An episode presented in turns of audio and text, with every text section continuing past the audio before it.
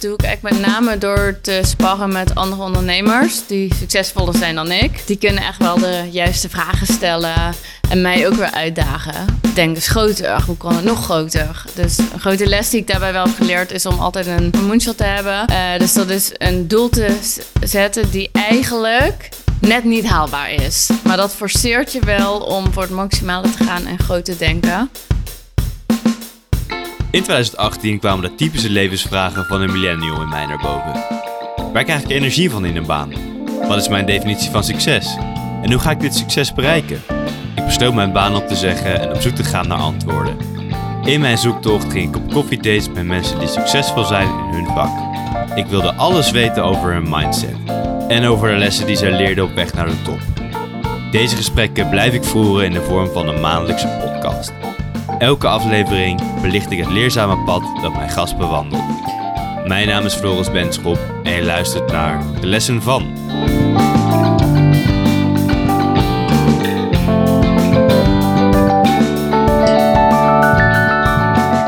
Leuk dat je luistert naar de tweede aflevering van De Lessen van. Mijn gast van vandaag is Loes Daniels, Managing Director en founder van het bedrijf Experience Gift. Na eerst voor advies- en accountantskantoren Deloitte en EY te hebben gewerkt, begint Loes zeven jaar geleden aan haar avontuur als ondernemer. Met succes kan je wel zeggen, want Experience Gift behoort tot de 10 snelst groeiende techbedrijven van Nederland. Daarnaast bereikt Loes op de lijst van meest succesvolle vrouwelijke ondernemers. En aan het begin van ons gesprek vroeg ik aan Loes wat Experience Gift nou eigenlijk doet. Experience Gift, dat is eigenlijk het moedermerk uh, van momenteel drie uh, cadeaukaarten. Dus we hebben Hotel Gift, een online cadeaukaart voor 200.000 hotels wereldwijd.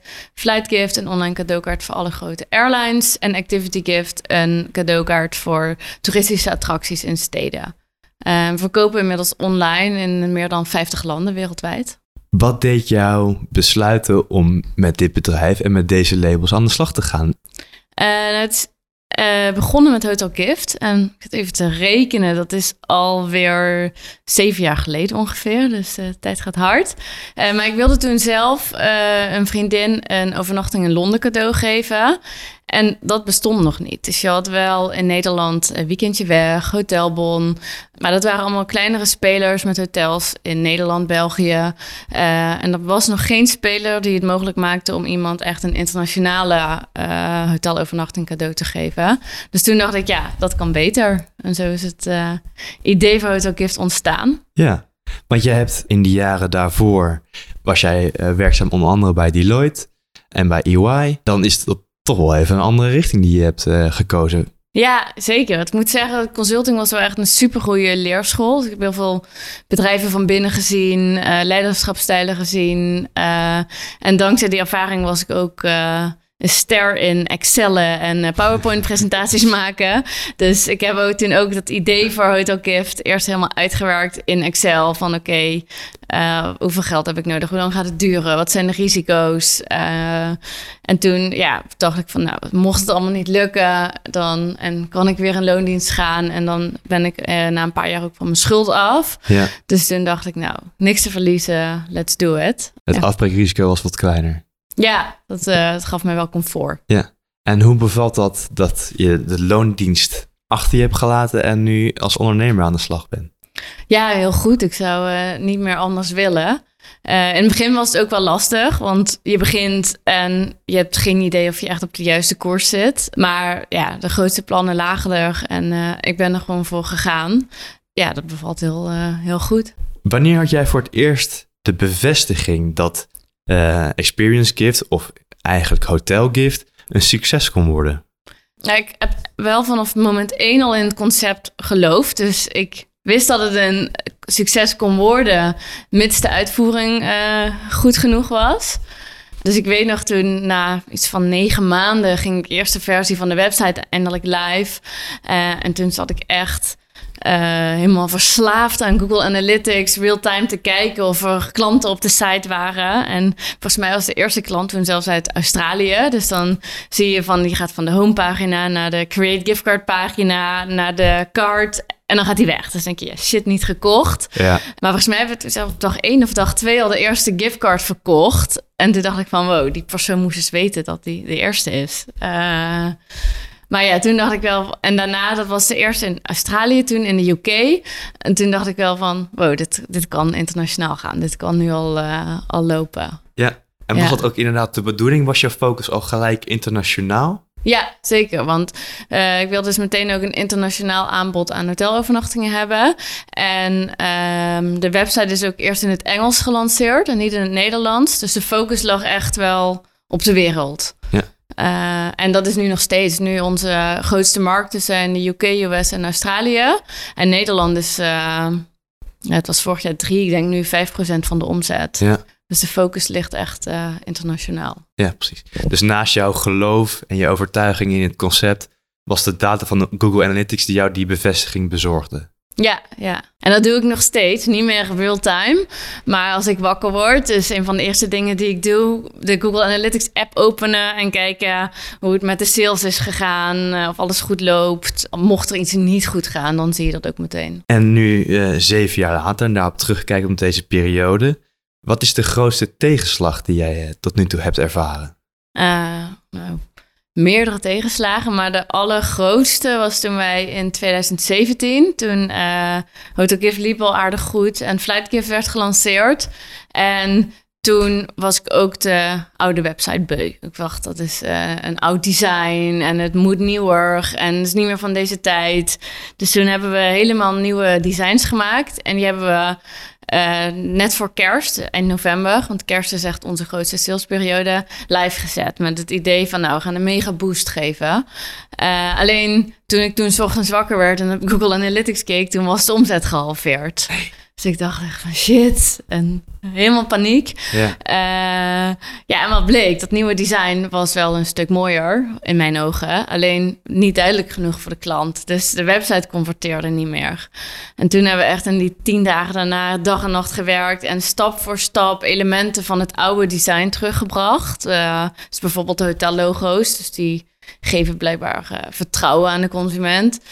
En toen hebben we het langzaam weer hersteld. Maar dat was wel echt een, uh, een grote tegenslag. Dus de, de, focus lag in eerste instantie op het grafische, maar je bent voorbij gegaan aan het gebruikersgemak ja, en de de functionele en de duidelijkheid. Ja. Dus dat is ook een uh, goede les. Altijd AB testen en uh, duidelijkheid gaat zeg maar nog voor design. Ja, precies. Ja. Dus je hebt een doel op een website en die moet ook makkelijk te behalen zijn voor de gebruiker in dit geval. En het moet er niet per se mooi uitzien. Precies, ja. Dat was misschien een iets negatieve start uh, van dit gesprek. En als je kijkt naar de prestatie waar je misschien het meeste juist trots op bent. Um, ja, eigenlijk op waar we nu staan. Uh, dus dat we nu drie succesvolle websites hebben. We hebben nu ook dus Experience Gift erboven gehangen. Um, want het was eerst was het van ja, wat doe je? Ja, ik heb Hotel Gift, Flight Gift, Activity Gift. Dus nu is het gewoon Experience Gift. Uh, daar hebben we ook een hele branding voor gedaan. Uh, dus ja, als ik nu kijk, dan hebben we echt wel een hele goede basis neergezet met een heel goed team. Ja. En daar ben ik echt trots op. Wat zijn eigenlijk de bepalende factoren voor dit succes? Um, nou, een hele belangrijke vind ik is schaalbaarheid. Dat was ook wel een van de uh, items, zeg maar, toen ik ging starten. Of een van de eisen waar mijn concept moest voldoen, was schaalbaarheid. Uh, dus toen we begonnen was de website ook helemaal online. Dus je kocht de cadeaukaart online, je ontving de code per e-mail... en de ontvanger verzilverde hem online via onze website. Dus als alles goed gaat, dan kwam er geen medewerker aan de pas. Uh, dus daarom hebben we met een relatief klein team kunnen we nu een hele grote omzet draaien. Ja. Ja, ook wel dat er dus... Er zijn wel veel, heel veel lokale concurrenten. En onze concurrentie is nou natuurlijk best wel groot. Je concurreert ook met cadeaus. Ja. Uh, maar er was nog geen goede globale speler voor hotels en voor vluchten. Dus ik denk dat we daar ook wel mee kunnen profiteren van een groeiende markt. Uh, en de mensen. We hebben super, ja, echt goede mensen, hardwerkend, hard voor de zaak. Uh, dus zonder team was het ook nooit, uh, Nee. nooit zo gelukt. Naar wat ben jij op zoek in jouw mensen? Wat moeten jouw mensen minimaal hebben om hier aan de slag te kunnen? Ja, mensen moeten echt expert zijn in hun eigen vakgebied.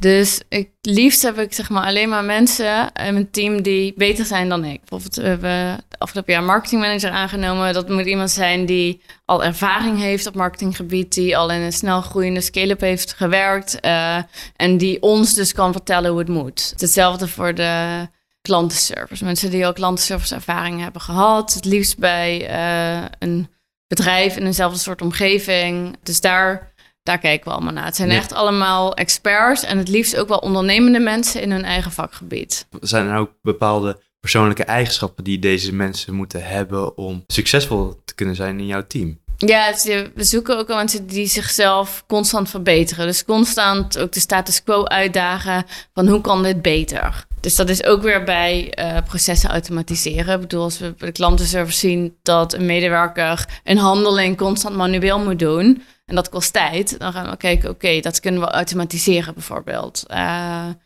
dus ja, dus dat soort dingen identificeren en dan continu die processen verbeteren, dat moet wel in iedereen steen zitten. Ja, ja. Het is een hele prestatie dat jij na zeven jaar dit eigen bedrijf uit de grond hebt gestampt. Je bent, hebt ook al verschillende prijzen gewonnen als beste vrouwelijke ondernemer van Nederland. Wat maakt jou nou zo goed? Ja, ik heb denk ik wel een hele duidelijke visie. En ik weet waar ik naartoe wil en daar ga ik ook vol voor. Um, en die focus hou ik en dan wijk ik niet af van mijn koers. Ik denk dat dat wel heeft gebracht waar we, waar we nu staan. En ik hou ook wel het hoofd koel cool in een crisis. Dus als er wat misgaat of als er chaos is, dan denk ik, oké, rustig situatie analyseren, plan van aanpak en we gaan. Dan komt de consultant uh, in jou weer naar boven. Ja. Daag jij jezelf ook wel eens uit op die visie? Uh, nee, zeker. En dat doe ik eigenlijk met name door te sparren met andere ondernemers die succesvoller zijn dan ik. Die kunnen echt wel de juiste vragen stellen en mij ook weer uitdagen. Denk eens groter. Hoe kan het nog groter? Dus een grote les die ik daarbij wel heb geleerd is om altijd een uh, moonshot, die term die laten we weer een moonshot te hebben. Ja. Uh, dus dat is een doel te zetten die eigenlijk net niet haalbaar is. Maar dat forceert je wel om voor het maximale te gaan en groot te denken. Uh, dus dat helpt hier intern ook wel. Dat communiceren we ook en iedereen weet, daar werken we naartoe. Ja, die helpt ons wel om die visie te behouden. Ja, Want daar zei je iets heel erg interessants. Je zegt, ik heb veel contact met andere ondernemers. Wie is jouw belangrijkste adviseur? Ja, het verschilt dus heel erg per fase van het bedrijf waarin we zitten. Toen we nog klein waren, waren dat ook meer andere start-ups of bedrijven die net een fase verder zijn. En nu is het eigenlijk mijn compagnon, die, uh, die is wat later ingestapt, zeg maar, echt met uh, Flight Gift, maar wel altijd vanaf de zijlijn betrokken. En uh, dat is ook degene waarbij ik nu nog altijd spar. En we hebben soms ook wel uh, frictie, omdat we allebei een sterke visie hebben. Ja. Um, maar ja, ik denk dat we elkaar samen wel heel erg hebben geholpen om, uh, om het bedrijf zo succesvol te maken. Ja. Want hoe vullen jullie elkaar aan? Ja, ik ben meer van het grote plaatje en hier gaan we naartoe en de strategie uitwerken. En ik weet precies wat iedereen doet in het bedrijf. Ja. En hij is zeg maar meer echt van de deep dives. Dus we gaan uh, een product verbeteren. hij gaat echt op de details. Ja. En ik zit meer op, de, ja, op het totale plaatje. Ja. En wat is het belangrijkste advies wat hij jou heeft gegeven in de afgelopen periode? Ja, ik denk ook om, om kritisch te blijven op, op elk vlak. Ja. Dat, uh, dat doe ik ook wel, maar ik kan soms zeg maar nog te hard gaan. Dus dat ik eventjes uh, een stapje terug pas op plaats en uh, iets goed nog overdenken, bespreken voordat we doorgaan. Of dat we bijvoorbeeld een samenwerking met iemand aangaan voor een specifiek promotie iets. En dan denk ik, ja, gaaf, gaan we doen. Hoppa, kick-off en door. Terwijl het wel goed is om nog eventjes het contract in detail door te lopen. Kijken, wat krijgen we nou eigenlijk? Uh, Dus even pas op de plaats, traagheid inbouwen en dan, dan door. Want is jouw compagnon nou ook jouw partner? Nee, we hebben wel een verleden. Ja. dus we hebben elkaar, wat is het, ja, of tien geleden al moeten op skipiste. En we hebben een relatie gehad. Dus we kennen elkaar uh, door en door, vertrouwen elkaar goed. Ja. We zijn goed uit elkaar gegaan en altijd goede vrienden gebleven. En nu uh, zijn we op deze manier verder. Zo, maar, maar hoe is dat dan? Dat lijkt me wel complex. Ja, dat zeggen heel veel mensen. Maar kijk, er is nooit wat gebeurd. We zijn heel goed uit elkaar gegaan. Dus we kennen elkaar goed, we vertrouwen elkaar, uh, weten precies wat we aan elkaar hebben.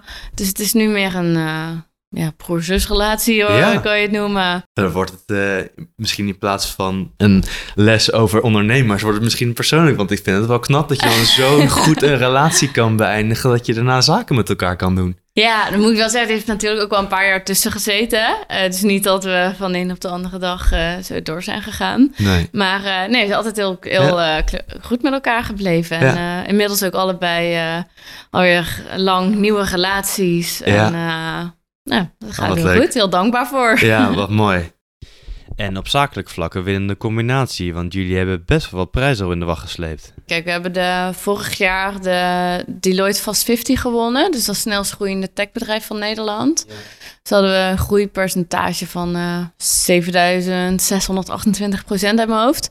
Over een periode van drie jaar. Eh en de FD Gazelle, de Next Women... waren het snelst groeiende bedrijf onder vrouwelijke ondernemers.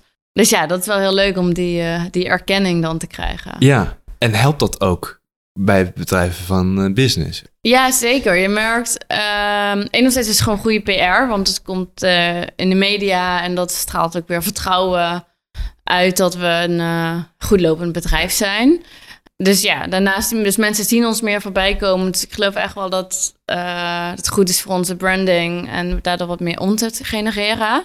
En het is ook goed voor je employer branding, zeg maar. Dus de mensen denken toch van oké, gaaf, snel groeiend bedrijf, internationaal actief, daar wil ik wel werken. Ja. Dus op die twee vlakken draagt het zeker eh, bij. Ja, ja gaaf. Ehm, je, je vertelde al een klein beetje, wat, wat zijn nou eigenlijk de ingrediënten voor, eh, voor dit succes? Wat zijn de belangrijkste lessen die jij hebt geleerd in de afgelopen zeven jaar, sinds je als ondernemer bent begonnen? Eh voor mij is het allerbelangrijkste, enerzijds die moonshot die ik net al noemde. Die heeft me wel echt geleerd om groot te denken en maximaal te gaan. En twee is ook focus te houden en dus ook nee durven te zeggen. Het is heel verleidelijk eh, als je bezig bent. Dan zie je nog allemaal mooie kansen voorbij komen, allemaal mooie samenwerkingen. Ehm, maar daardoor kan je niet, dat leidt eigenlijk alleen maar af. Dus ja, die focus houden en nee durven te zeggen, dat is eh, naast de moonshots en dat voor mij de belangrijkste les. Ja. Ja. Om de luisteraars op weg te helpen, eh, vraag ik mijn gasten altijd om een paar adviezen. Ehm, als ondernemer sta jij 24-7 sta jij aan. Heb jij tips om elke dag fysiek en mentaal weer in topvorm te zijn? Ja, goede vraag. Ja, voor mij is slaap echt mega belangrijk. Want het is heel verleidelijk om tot 12 uur eh, s s'nachts door te werken, bij wijze van spreken. En eh, een paar uur dus te slapen en weer door te gaan. Maar ik merk dat mijn output daardoor echt significant slechter wordt in kwaliteit. Dus ik eh, ben heel panisch op mijn slaap. Ik lig elke avond rond uur of tien wel in bed. En Ja. ik wil echt minimaal acht uur per nacht slapen. Ehm, en daarnaast eh, let ik ook nu wel goed, veel beter dan een paar jaar geleden hoor. Ik heb het echt eh, moeten leren. Maar ik let nu ook wel op dat ik gezond eet, eh, door de week eh, weinig alcohol drink. Ik sport twee keer in de week. Eh, ja, ik merk wel, het is altijd zo'n clichétje wat mensen zeggen, maar ik vind het wel waar. Ondernemen is topsport. Dus ja.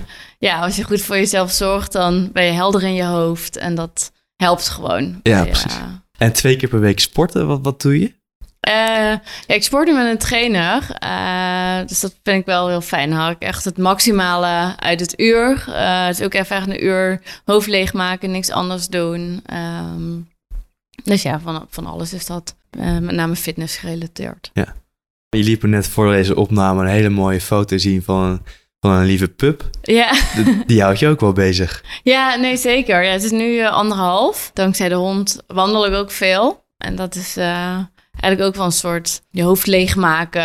eh wandelen. Ja, vind ik echt wel, wel lekker. En met name nu ook in corona is wandelen gewoon eh, bijna een nieuwe hobby geworden. Ja. Ik kan er echt van genieten om even een uur met de hond te lopen.